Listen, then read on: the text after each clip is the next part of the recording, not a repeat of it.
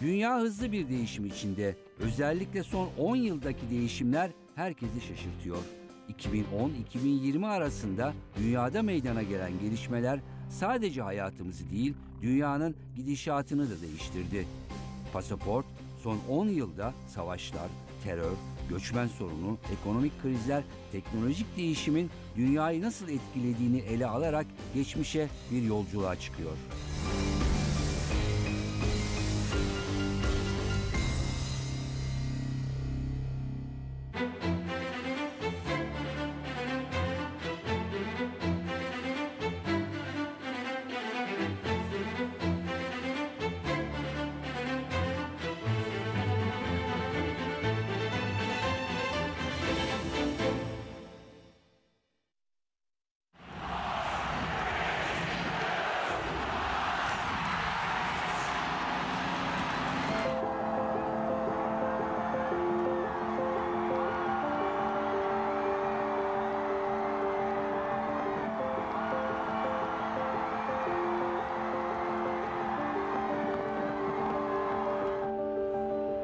2000'li yıllara ya da milenyum çağına büyük umutlarla girilmişti.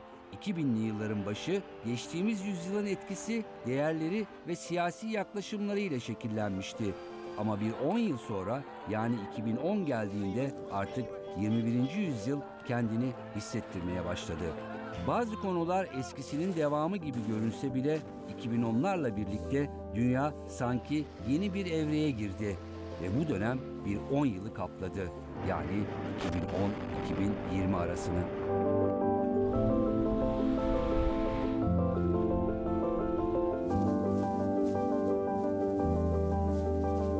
Dünya 2000'li yılları karşıladığında merak içindeydi. Kolay değil. İnsanlık tarihinde 2000 yıl bitmiş ve herkes nasıl bir dünya olacağını merak etmişti. 2000'li yılların ilk 20 yılını doldurduk. Peki ikinci 10 yılda neler yaşadı dünya? 10 yıl içinde neler değişti? 2010-20 arasında dünyanın gidişatını değiştiren olaylar nelerdi? Şimdi bize normal gelen birçok konu 10 yıl önce mevcut muydu? Pasaport 2010-2020 arasındaki 10 yılı tüm yönleriyle ele alıyor. Unutulanları hatırlamak için.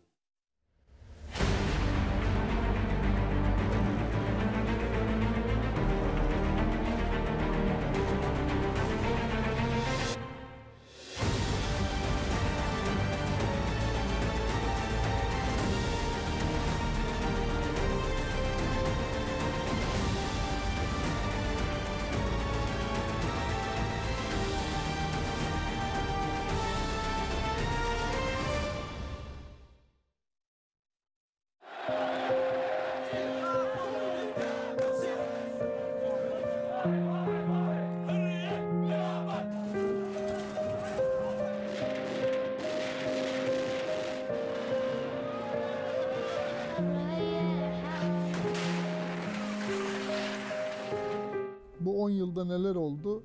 ki Arap Baharı diye bir şey yaşadık. Bütün Müslüman coğrafyayı ilgilendiren, sırayla her ülkeye dalga dalga yayılan ve Suriye'ye gelince duran bir dalgadan söz ediyoruz. Ama sonuçta ne oldu? Müslüman coğrafyadaki gençler ve halklar ama özellikle gençler otoriter yönetimlere karşı baş kaldırdı ama hemen hiçbirinde başarılı bir devrime de dönüşmedi mesela.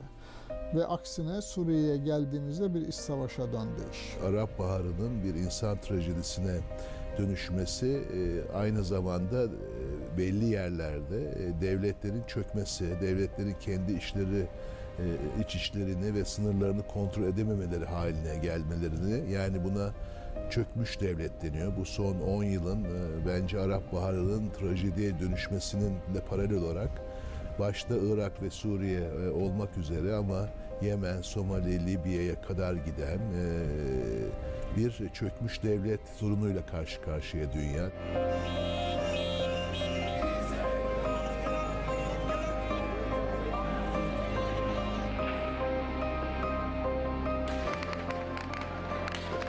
Bugün 10 yıl sonra dünyayı meşgul eden önemli konuların başında değişen siyaset ve siyasete müdahale biçimleri geliyor beklenmeyen liderlerin iktidara gelmesi, seçim sonuçlarına müdahale edilmesi ve sürpriz sonuçların ortaya çıkması da son 10 yıla damgasını vuran gelişmelerden.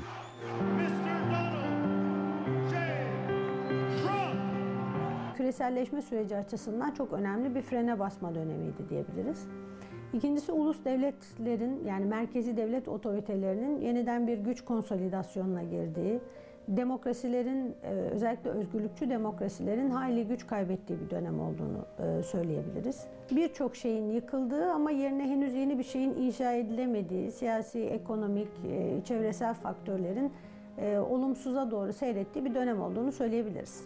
Duvarları gördük. Bir anda onlarca ülke duvar yapmaya başladı. Hayatımıza önemli bir laf girdi Trump'la beraber. Post-truth tabir edilen gerçek ötesi, gerçek sonrası, gerçek dışı değil ama gerçeği bir kenara bırakıp konuşulanın gerçek haline geldiği bir yere geldik. Evrensel bir gerçeğinde olmasının çok zor olduğunu anladığımız bir dönem oldu. Bu da bence kültürel bir şok.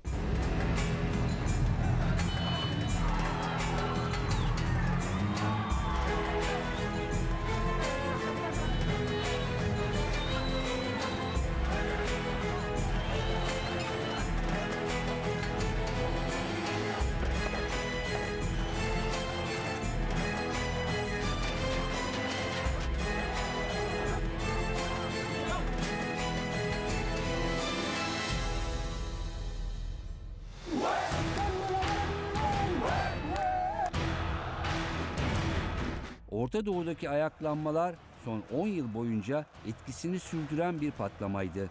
2011 yılında başlayan ayaklanmaların etkisi bugüne kadar sürdü. Çünkü bu dönüşüm sadece Orta Doğu'daki dengeleri değil, bütün dünyayı farklı şekilde etkiledi.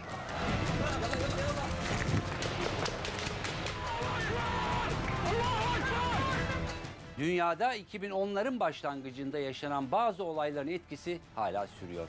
Çünkü 10 yıl içinde yaşanan bu olaylar diğerlerini tetikledi. Yani bugün konuştuğumuz bazı olaylar neredeyse 10 yıl önce başladı. Neler mi? Özellikle Arap Baharı ile başlayan ve Orta Doğu'yu alt üst eden süreç. Bununla bağlantılı Suriye Savaşı. Tahmin etmediğimiz liderlerin yönetime gelmesi sürpriz seçim sonuçları. Bütün bu olaylar farklı şekillerde bütün dünyayı etkiledi.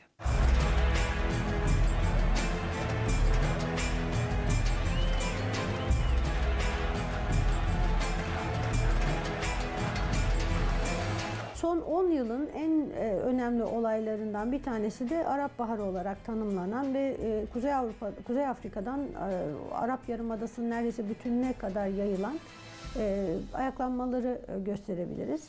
Batı dünyası bunu oldukça coşkuyla karşıladı. Zaten adını bahar koymalarının en önemli özelliği buydu.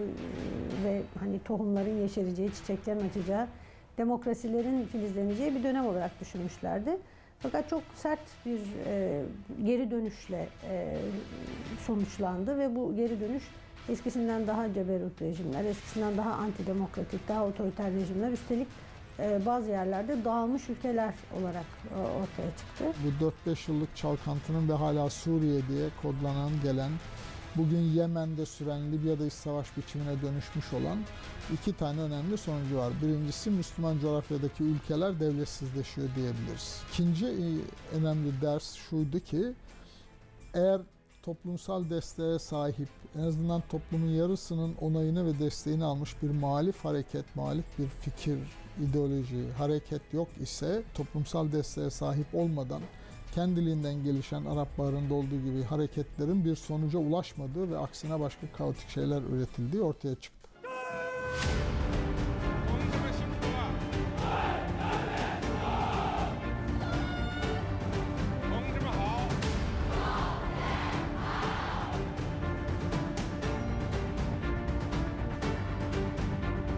Son 10 yılda dünyada bazı ülkeler siyasi ve ekonomik olarak öne geçerken Bazıları daha fazla söz sahibi olmaya başladılar. Bazıları ise ya durağanlaştı ya da dünyada belirleyici olma konusunda inişe geçti. Batı demokrasilerin vermiş olduğu sözü artık tutamadıkları bir 10 yıl yaşadık. Hatta bunu biz 2020-30 e, arasında giderek artan şekilde yaşayacağız. O da e, gençler eğitim görseler de, gençler çalışsalar da e, esasında ileriye doğru orta sınıf, orta üstü sınıflara doğru gidemeyecekleri, eşitsizliğin çok yüksek olduğu, dünyada zenginlerin ufak olsa da çok büyük bir gelirin olduğu fakat fakirlerin çok yaygınlaştığı büyük bir gelir dağılımı, refah temelinde e, eşitsiz bir dünya var. E, bence e, bu 2008-2000'de başlayıp 2020'ye kadar gelen dönemde ekonomik krizin en büyük ortaya çıkardığı nokta bu eşitsizlik dünyası. Her şeyden önce liberal kapitalizmin liberal siyasal doktrinler çerçevesinde geçeceğine, gelişeceğine dair bir inanç vardı. Bu ortadan kalktı. Şu anda küresel kapitalist sistemden ziyade devletler arasında şekillenen bir kapitalist sistemden söz etmemiz daha mümkün. Çünkü devletlerin merkez bankalarının, devletlerin şirketlerinin, devletlerinin ekonomi politikalarının çok ön plana geçtiği ve küresel düzene ciddi kısıtlamaların geldiği bir dönemdeyiz. Yani ticaret savaşları diye bahsettiğimiz şey gümrüklere e, gelen vergiler, kotalar, bazı ülkelerin e, mallarına getirilen kısıtlamalar ve yasaklamalar üzerinden şekilleniyor. Yani aslında ekonomik duvarlar neredeyse sınır duvarları kadar ön plana geçmiş durumda. Bu tabii küresel dolaşımı ve dönüşümü etkileyen bir şey. Soğuk savaş bitti diyorduk. Batı bloku Doğu bloku arasındaki gerilim bitti, Berlin duvarı da yıkıldı diyorduk ama birçok konuda Rusya'nın aktif olmaya başladığı, dolayısıyla siyaseten ve dünyanın yeni bir bölüşüm ya da yeni bir denge aradığı bir süreç oldu bu 10 yıl. Yani Amerika'nın ve Batı'nın ve Avrupa Birliği'nin bütün bu kaotik durumu yönetebilecek maharetinin olmadığı ama buna karşılık da Rusya'nın da yeni bir siyasi denge arayışında önemli bir aktör olduğu bir süreç yaşandı.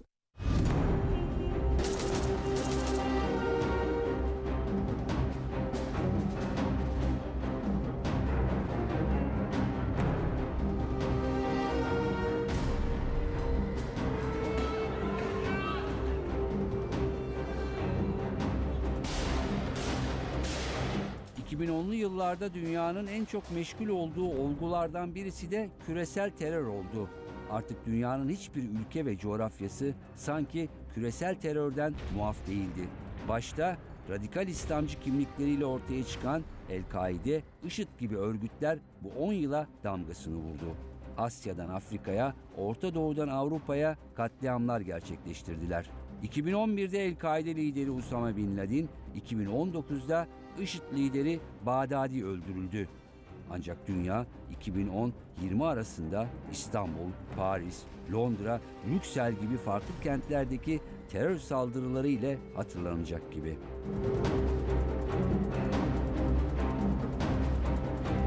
Son 10 yıla damgasını vuran olayların başında küresel terör ve terör örgütleri geliyor. Dünya son 10 yılı terörle yaşamak zorunda kaldı. Bu 10 yılda terör tek tek ülkeleri ilgilendiren bir olgu olmaktan çıktı. Bütün dünyaya yayıldı. Kimse bundan muaf değildi. Ve terör artçı sarsıntılarıyla farklı sonuçlara neden oldu. Başkentler sarsıldı, masum insanlar öldürüldü. El-Kaide, IŞİD gibi örgütler bu 10 yıla damgasını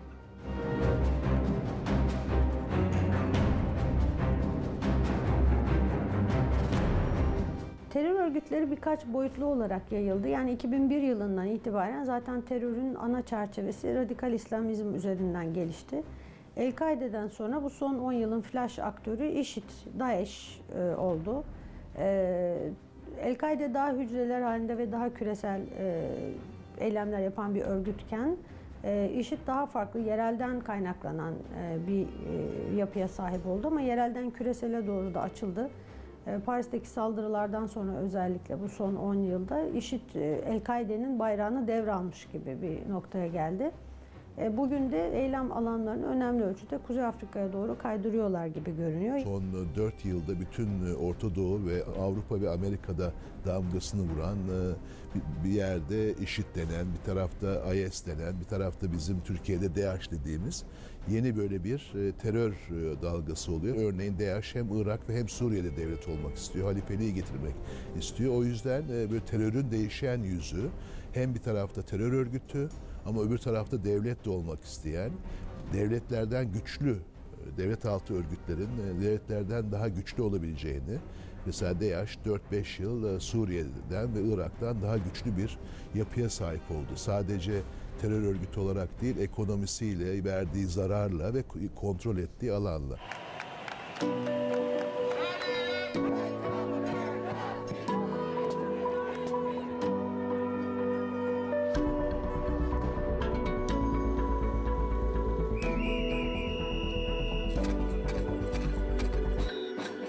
Kimilerine göre uluslararası siyasette çekişmelerin, ekonomik krizlerin ve çatışmaların 10 yılıydı 2010'lu yıllar. Özellikle 2008'de Amerika Birleşik Devletleri'nde başlayan ekonomik kriz domino etkisi yarattı. Dünya ekonomisi 2000'lerin başında yükseliş eğilimindeydi. Ama 2010-20 arasında bu eğilim aşağıya yöneldi. Çünkü meydana gelen ekonomik gelişmeler hiç olmadığı kadar birbiriyle bağlantılıydı. Amerika'daki kriz Avrupa Birliği'ni etkiledi. Bu krizin siyasi sonuçlarıyla birlikte küreselleşme ile ilgili tartışmalar da beraberinde geldi. Yine ekonomi alanında tahmin edemeyeceğimiz değişimler söz konusu oldu.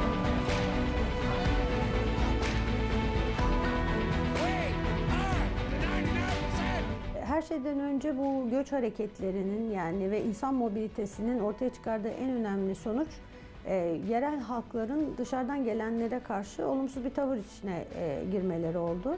E, bu tabii ekonomik koşullarla da beslendi. Dünya satında bir istihdam problemi var. Özellikle teknolojik ortamdaki bu son 10 yılda Endüstri 4.0 olarak tanımladığımız işte robotların devreye girmesi, yapay zekadan, blockchain'den falan bahsediyoruz artık. E, üretim e, koşullarındaki bu devrimsel değişiklik e, insanların iş bulma problemlerini, yeni ekonomiye geçiş sorunlarını çok ön plana çıkarttı. Bu yüzden de ciddi şekilde kültürel çatışmaların ortaya çıktığını gördük.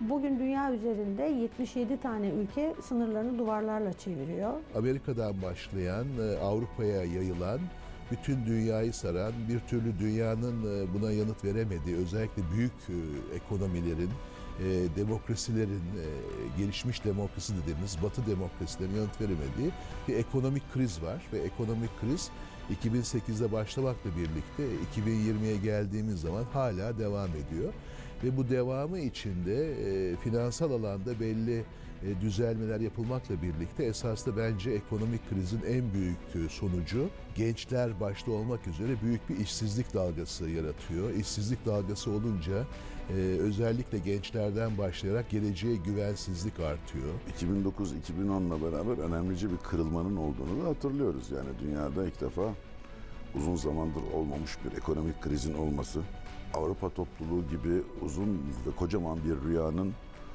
birdenbire İngiltere gibi bir canavarın pardon ben çıkıyorum demesi e, onun ötesinde gerçekten e, bir değişim yılı yani sadece ekonomi ve Avrupa'nın büyük kalelerinin sarsılması, büyük şirketlerinin sarsılması demek. Öbür taraftan Çin diye birisinin hayatımızda çok fazla derecede olduğunu bir anda anlayabilmemiz.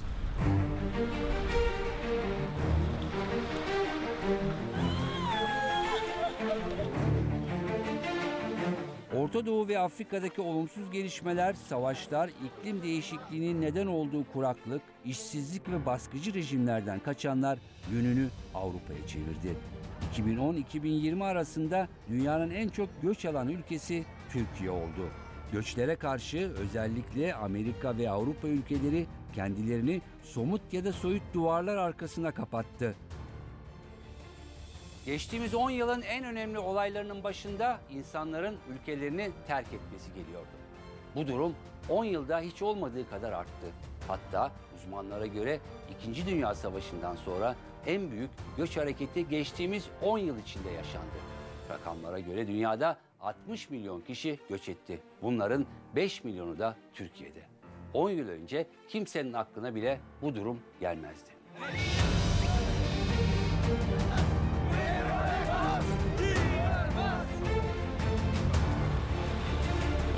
Suriye'den kaynaklanan sebeplerle dünya üzerindeki mülteci hareketlerinde, göç hareketlerinde büyük bir e, artış söz konusu oldu. 68 e, milyon yerini yurdunu terk etmiş insandan söz ediyoruz ki bu 2. Dünya Savaşı koşullarına e, yakın bir rakam. Tabii bunun yarattığı çok ciddi istikrarsızlıklar var. Göç edilen yerlerde çok ciddi sosyolojik problemler ortaya çıktı. Bunun kendi ekonomisi var. E, insani dramlar eşliğinde yürüyen bir süreç aslına bakarsanız. Hmm, o bakımdan e, çok da olumlu şeylerden söz edebileceğimiz bir 10 yıl olduğunu söyleyemeyiz. Geleceğin ütopyası ve sahibi olmadığı için de popülist liderler ya da otoriterliğe de yatkın bu lümpen liderler hem bütün bu küreselleşmeyi bir düşman olarak tanımlıyor hem kendi içlerindeki elitleri ya da kurulu nizamı düşman olarak tanımlıyor. Dolayısıyla ya da bizde Suriyelileri düşman olarak tanımlıyor. Fransa'da, Paris'te işte Cezayir'den, Afrika'dan gelen Müslümanları düşman diye tanımlıyor. İngiltere'de Boris başkalarına düşman diye tanımlıyor. Trump orada Meksikalıları düşman diye tanımlıyor. Ama hem bir dış düşman var, bu popülist liderlerin ortak alanları ya da söylemlerine bakıldığında hem de bir yandan da işte küresel düşmanlar kadar iç düşmanlar var. Arap Baharı ile başlayan Türkiye'de 5 milyona varan sayıları e, büyük bir göçle dünya karşı karşıya. Son 10 yılda göç eder ama mülteci temelde yani kendi e, evlerini kendi tercihleri olarak değil yaşam koşullarını kaybettikleri için kaybeden e, insanların sayısı 65 milyona kadar yaklaşabiliyor. Büyük bir göç dalgası, büyük bir mülteci dalgası var. Fakat buna paralel olarak da esaslı bu mülteci dalgasının da yarattığı, eşitsizliğin de yaratmış olduğu Batı demokrasilerinde, gelişmiş toplumlarda da olan, Türkiye'de de yaşadığımız e, ciddi bir kutuplaşma, ciddi bir e, toplumdaki sosyal uyumun bozulması. Bunu örneğin biz e, Batı toplumlarında yabancıya karşı düşmanlık, İslam, İslam'a karşı düşmanlık, e, göçe karşı düşmanlık olarak yaşıyoruz.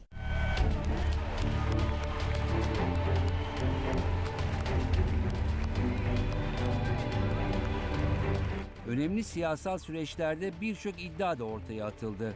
Seçimlerin yönlendirildiği ve müdahale edildiği konuşuldu. 2010'lu yıllar siyaset ve siyaset dışı müdahale araçlarının değiştiği yıllar olacaktı. Cambridge Analytica diye bir skandal duyduk biz e, birkaç yıl önce. E, 2008 yılında e, Cambridge Üniversitesi'nde iki tane doktor öğrencisi ve bunlar diyor ki biz e, insanların bazı alışkanlıklarını e, bazı alışkanlıklarını birkaç şeyle öğrenebiliriz. İşte e, uzlaşmacı yönlerini, mükemmeliyetçi yönlerini, farklı yönlerini e, göz önünde bulunarak bunlar hangi davranışlarda bulunuyor bunu test edebiliriz. Facebook'la bir anlaşma yapıyorlar e, e, ve Facebook'ta yaptıkları bir uygulamayla veri toplamaya başlıyorlar. İn, beklentilerinin üstünde bir ilgiyle karşılaşıyorlar. Milyonlarca insan kendi verilerini bu uygulamaya veriyor. Bu uygulamayla birlikte bunlar işi başka bir boyuta taşıyor ve hem Brexit hem de Amerikan seçimlerinde e, danışmanlık veriyor. Ve bu danışmanlıklar sayesinde hem Brexit'in hem de Trump'ın seçimi kazandığı iddia ediliyor. Medya bütün dünyada devletler tarafından ya düşmanlaştırılıyor ya baskı altına alıyor. Yani baktığınız zaman Amerika'da bile medya üzerinde ağır bir baskının oluştuğunu görebiliyorsunuz. Sürekli olarak işte yalan haber yaptıkları falan konuşuyor. Yani Trump'ın impeachment prosesi bile sanki bir medya başkan arasında geçen bir çatışma gibi algılanıyor. Ee, bir 10 yıl öncesinde medya dünya üzerinde e, başbakanları, cumhurbaşkanlarının liderlerini seçtirme gücüne sahip e, çok önemli bir güç kaynağıydı. Şu anda e, o daha önce seçtirmiş olduğu liderleri görevde tutan, ömürlerini uzatan ve onların merkezi devlet otoritelerini pekiştirip tahkim eden devlet aygıtı konumundalar. Yani dünya üzerindeki medya yeni pravdaların oluştuğu şeklinde ortaya çıkıyor bence. The Democrats want to take away your guns. They want to take away your health care. They want to take away your vote. They want to take away your freedom. They want to take away your judges. They want to take away everything. Bu yıllar ayrıca otoriter liderlerin öne çıktığı yıllar oldu. Toplumlar hiç olmadığı kadar ikiye bölündü. Kutuplaşma arttı. Kimse kimseye inanmamaya başladı. Bu durum dünyada bir politik tarz haline geldi. Uzmanlara göre insanlar gerçek ve hakikate ulaşmak değil, sadece duymak istediğine inanır hale geldi.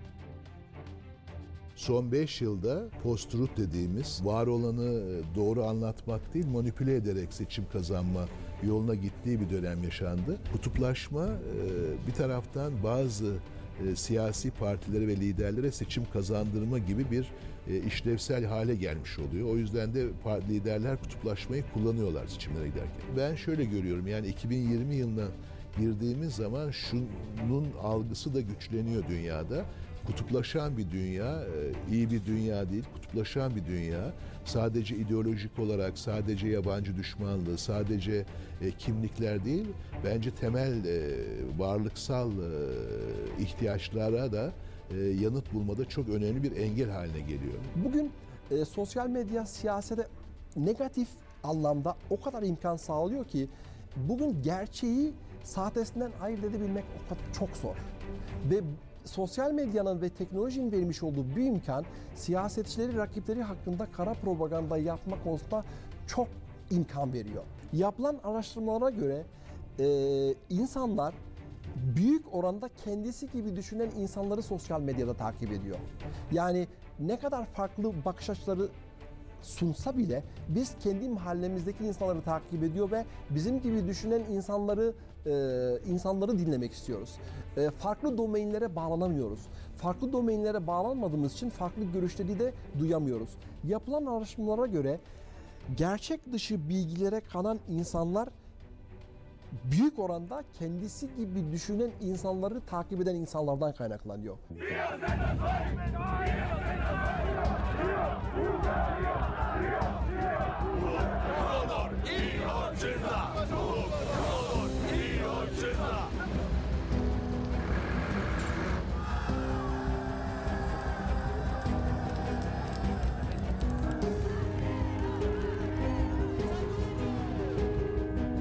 Son 10 yılda dünya siyasetine damga vuran eğilimlerin öncüsü milliyetçilik oldu. Dünyada milliyetçilik merkezden aşırı uçlara doğru savruldu. Bu eğilim ekonomik kriz yaşayan ülkelerde daha çok görülmeye başlandı. Uzmanlar 10 yıl boyunca bunu tartıştı. Yabancı düşmanlığı yükseldi. Ayrıca siyasette çeşitli yönlendirmeler başladı. Başka ülkeler diğerlerinin seçimlerine karıştı. Kutuplaşma giderek arttı. Kimse kimseyi dinlemiyor, herkes sadece kendi görüşüne inanıyor gibiydi.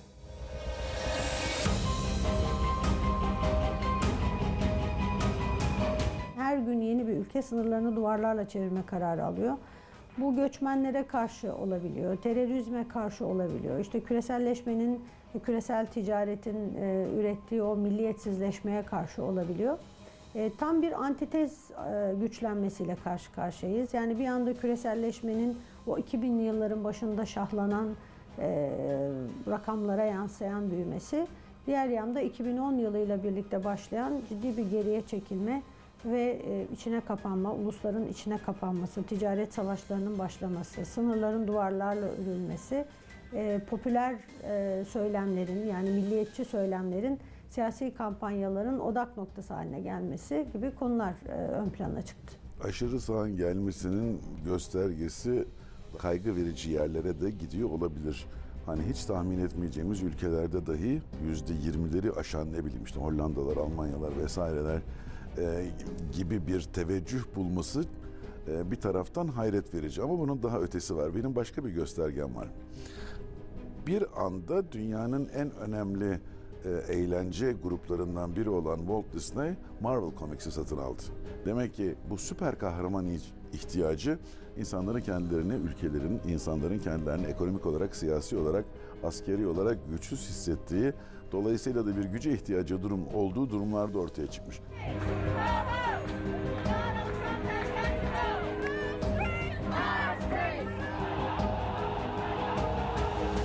E, aşırı kutuplaşma yüzünden e, toplumsal uyum, e, toplumsal birliktelik bozuluyor. Bozuldukça bu esasında demokrasilerin krizini, merkez partilerin krizini, toplumların merkez partilerine olan güveninin azalmasını ortaya ortaya çıkıyor. O anlamda biraz demokrasinin içi boşaltılıyor. İkincisi demokrasinin içi boşaltıldığı zaman buradan iki tane olgu ortaya çıkıyor. Bunlardan bir tanesi Avrupa'da yaşadığımız ağırlıklı olarak ama dünyanın genelinde de yaygınlaşan e, aşırı sağ dediğimiz milliyetçi, ırkçı e, partilerin e, güçlenmesi. Bu 10 yılda e, 21. yüzyılın ikinci 10 yılında yapılan bütün seçimlerde ve bütün ülkelerde neredeyse hemen hemen birkaç istisnası dışında popülist hareketlerin ve şoven otoriter hareketlerin ve yeni lümpen liderlerin yükseldiği bir dönem oldu. Tam o liderleri var eden iklim işte bu salyangoz gibi kabuğuna çekilme hali. Dolayısıyla her yerde birden o karmaşadan kaçınmaya çalışan, o karmaşadan kendini korumaya çalışan insanlar ve de diğer ötekiler, diğer ülkeler ya da işte diğer kendi iç düşmanı diye tanımladığı insanlara karşı mücadele ettiğini iddia eden liderler ortaya çıktı. Soldan veya sağdan fark etmiyor.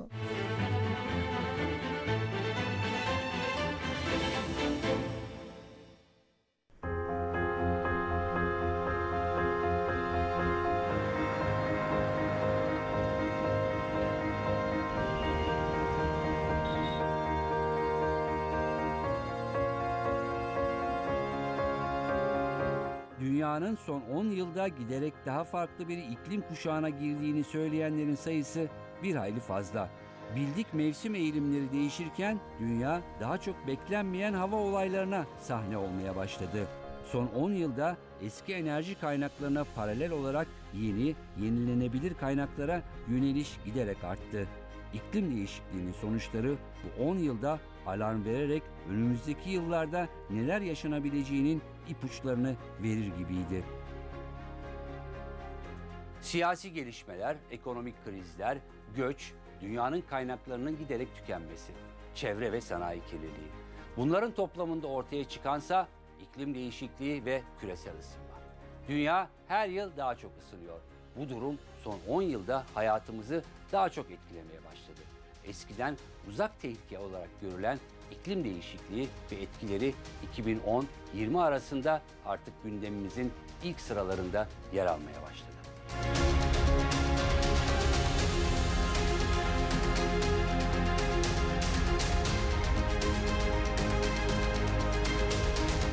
2020-30'a büyük damgasını vuracak. Esasında dünya ısınıyor. İklim değişikliği çok ciddi boyutlara geliyor ve iklim değişikliğiyle birlikte yaşayamama e, algısı, dünyanın çok kötü bir yere doğru gittiği algısı bütün dünyada e, Batı toplumlarından başlayarak Türkiye dahil bütün dünyada yaygınlaşıyor. Kaynaklara olan e, aşırı e, müdahaleyle yani e, zengin olanların sadece para olarak değil tabii kaynakları tarım gibi, gıda gibi, su gibi. E, o yüzden de e, böyle bir ısınan dünya olgusu da var. İklim değişikliği ve küresel ısınmanın e, bu son 10 yılda giderek artan bir şekilde çok önemli bir sorun haline geleceğini gördük.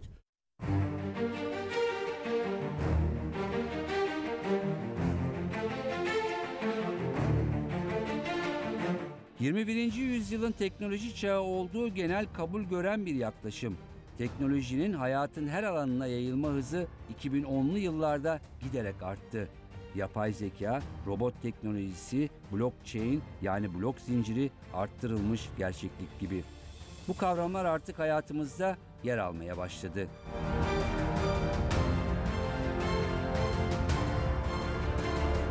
Ve hayatımızı değiştiren asıl konu teknoloji. Geriye dönüp bakalım. 10 yıl önce hiç düşünmediğimiz birçok konu hayatımızın parçası oldu. Hatta bazıları bu yıllarda ortaya çıktı, eskidi ve gündemden düştü. Teknoloji sadece gündelik hayatımızı değil, sağlıktan eğitime, siyasetten ekonomiye kadar birçok konuda yeni dönemin kapısını açtı. Ve geçtiğimiz 10 yıl bu konudaki en hızlı, en fazla temel atılan yıllar oldu.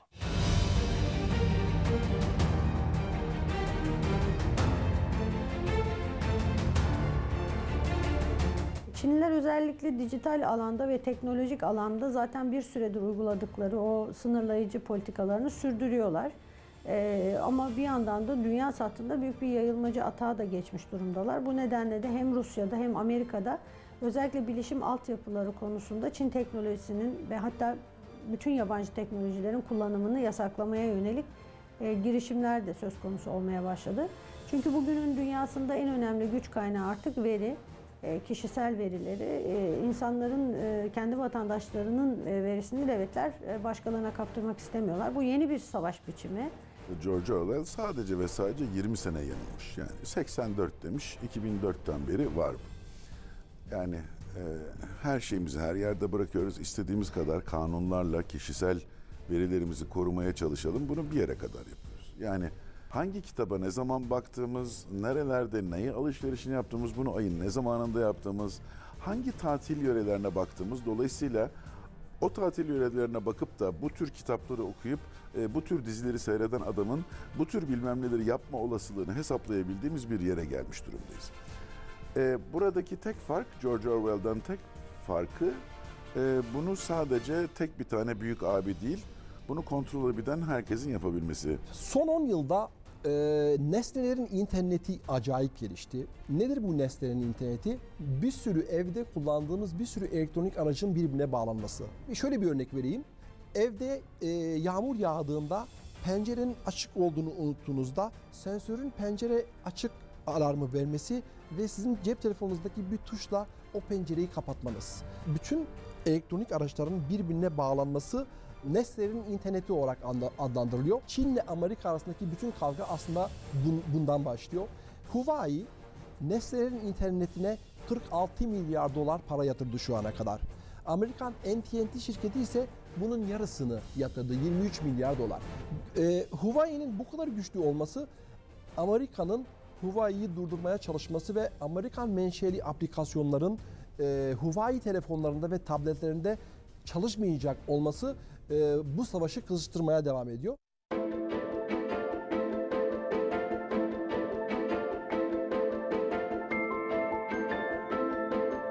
Ve değişen hayat ya da yaşam biçimleri.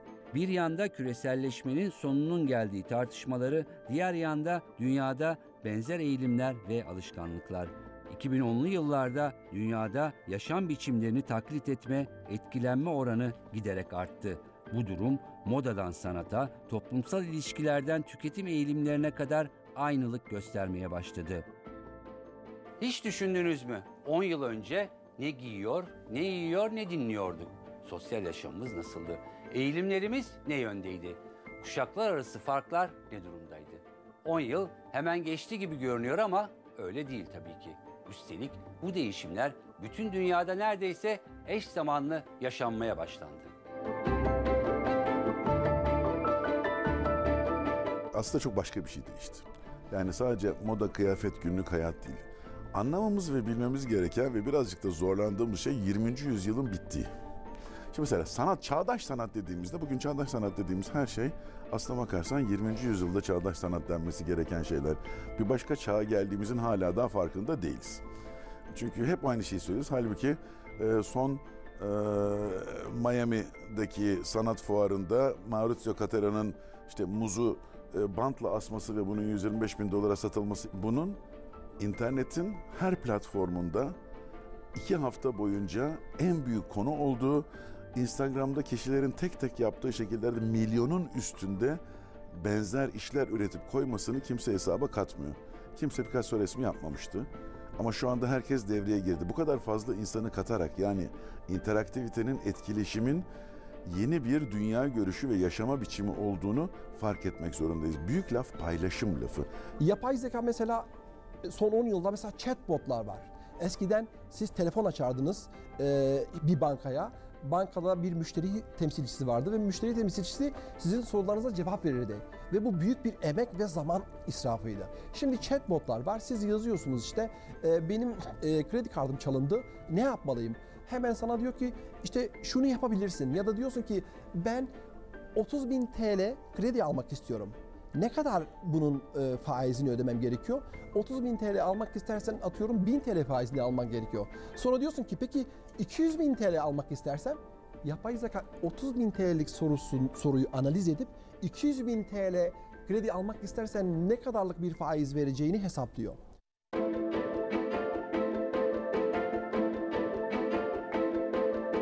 Sinema, televizyon seyretme, gazete okuma ve müzik dinleme oranları ve mecraları geçtiğimiz 10 yıl içinde farklılaştı. dijital teknolojinin gelişmesine paralel olarak sinemayı sinemada izleme oranı azalmaya başladı. İnsanlar filmleri salonlar yerine kişisel bilgisayarlarından izlemeye başladı. Yeni platformlar oluştu. E, bu platformlarda e, yeni izleme biçimleri türedi dolayısıyla. Artık yeni seyirci e, işte Netflix gibi e, bir an önce ulaşabildiği, evinden izleyebileceği sinema ortamlarına ulaştı. E, bu gelecekte nasıl bir film izleme geleneği oluşturur ya da biçimine dönüştürür? Şimdilik muamma ama gidişat sanki salonların yavaş yavaş öleceği şeklinde. 2010'lar galiba bu dönüşümün ilk adımların atıldığı dönem olacak. Eskiden biz televizyonda bir canlı yayında bir maç izleyecekken o maçın saatini beklemek zorundaydık. Ya da işte e, ne bileyim bir e, dizi izleyece, izleyeceksek eğer o dizinin yanın, yayın saatini ve gününü beklemek zorundaydık. Bugün e, istediğimiz anda, istediğimiz yerde, istediğimiz diziyi, istediğimiz maçı izleyebiliriz. Canlı yayını kaçırdığımız andan itibaren onu kaydedip daha sonra izleyebiliriz. Bugün neden Netflix gibi, Hulu gibi e, mecralar başarılı? Bunun altında da yine büyük data yatıyor.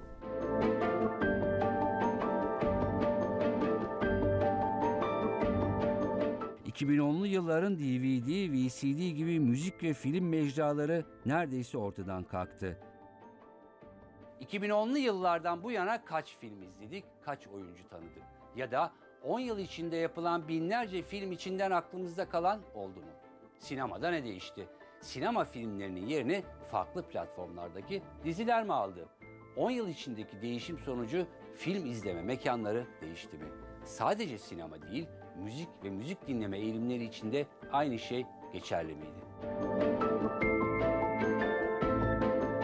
2010'lar özellikle Harvey Weinstein vakasından itibaren e, hem hayatta hem de sektörde kadın dayanışmasına e, ortam hazırladı ve bilindiği gibi Me Too hareketi bütün gezegeni kapsadı. E, geçmişte örtbas edilen suçlar bir tür ortaya çıktı. Tabii çok da iyi oldu. Bu dönemin öne çıkan reflekslerinden biri de kuşkusuz dizilerin gündeme gelmesiydi. E, artık insanlar geçmişe göre çokça dizi izliyor. E, ve dizilere çok büyük paralar yatırılıyor, çok büyük maliyetlerle çekiliyor. Dolayısıyla e, 2010'ların en önemli e, göstergelerinden biri de bütün dünyadaki dizi furyasıydı. Oscar'larda da özellikle Trump sonrası e, dönemde e, sadece o törenlerde değil genel olarak e, Amerikan sinemasının birçok aktörünün Amerikan başkanına karşı tepkilerini izledik. Öte yandan e, Trump'ın Meksika'ya sınırına dikeceği duvarın sanki sinemada şöyle bir yansıması oldu. 2010'larda e, Güney Amerikalı e, yönetmenler hem e, dünya sinemasında hem de Oscar'larda boy gösterdi.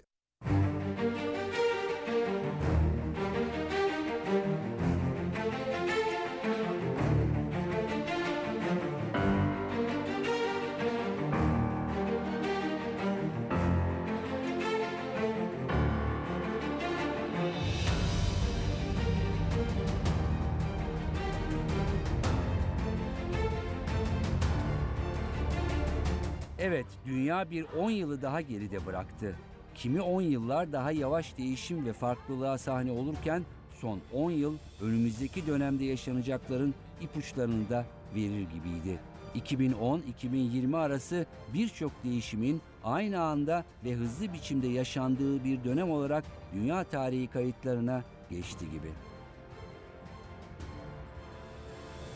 Önümüzdeki 10 yıl yani 20 ile 30 arasında hangi vadede olur bir sene sonra mı 6 sene sonra mı onu bilmem ama insanlığın bu karşılaştığı problemlere karşı ortak çözümler konusunda mesafe alacağını, yeni liderlerin, yeni hikayelerin, yeni ütopyaların ortaya çıkacağı bir dönem olacağını umuyorum ben. Ama şu anda henüz işte o karanlık dehlizin e, tam içindeyiz. Bu geçtiğimiz 10 yıl e, 2000 ile 2010 arası bir değişimi gösteriyordu. Bu dönüşüm 10 yılıdır. Değişim yakalanabilir bir şeydi ama dönüşüm kültürel bir şeydir, teknolojik bir şey değildir. e, sadece ilerleyen teknoloji ve onlara adapte olabilmekten bahsetmemek gerekir. O zaman bir kültürel değişikliğin ve dünyayı ele alış biçiminin toplam olarak yeniden ele alınması gerektiği bu kişiler, kurumlar, organizasyonlar ve hatta regülasyon yapıları için geçerlidir.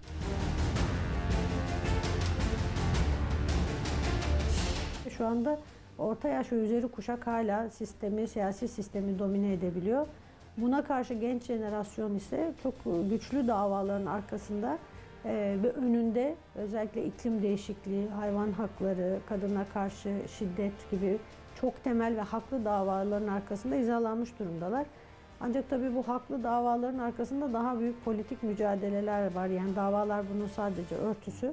E, gençler başka bir dünyanın temsilcileri gibi şekilleniyor. Bu nedenle jenerasyonlar arası çatışmada e, önümüzdeki dönemde gençlere yönelik çok daha sert önlemler alınabilmesinin söz konusu olacağını düşünüyorum. Önümüzdeki dönemin temel motifinin de bu olacağına inanıyorum. E, İlginç bir döneme 2020-30 arasında yani bu gelecek 10 yılın projeksiyonu olarak şöyle girebiliriz ki ben onun önemli olduğunu düşünüyorum.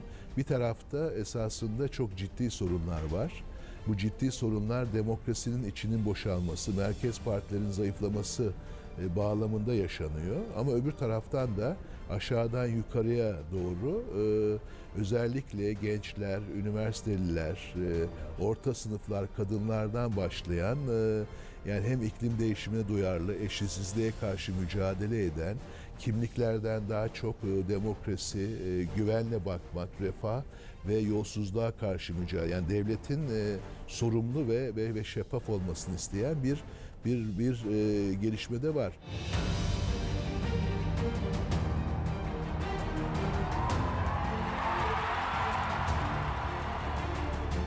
...2000'li yılların ikinci 10 yılını tamamladık. Bu 10 yıl içinde tahmin ettiklerimiz kadar tahmin etmediğimiz onlarca gelişme yaşandı. 2020'ler içinde neler olabileceği konusunda birçok tahmin var. Ancak ortada olan her konuda değişimin hızının arttığı, tabii ki pozitif ve negatif yönde. Bakalım önümüzdeki 10 yılda dünyayı neler bekliyor? Ancak kesin olan şu ki dünya her anlamıyla büyük değişimlere gebe.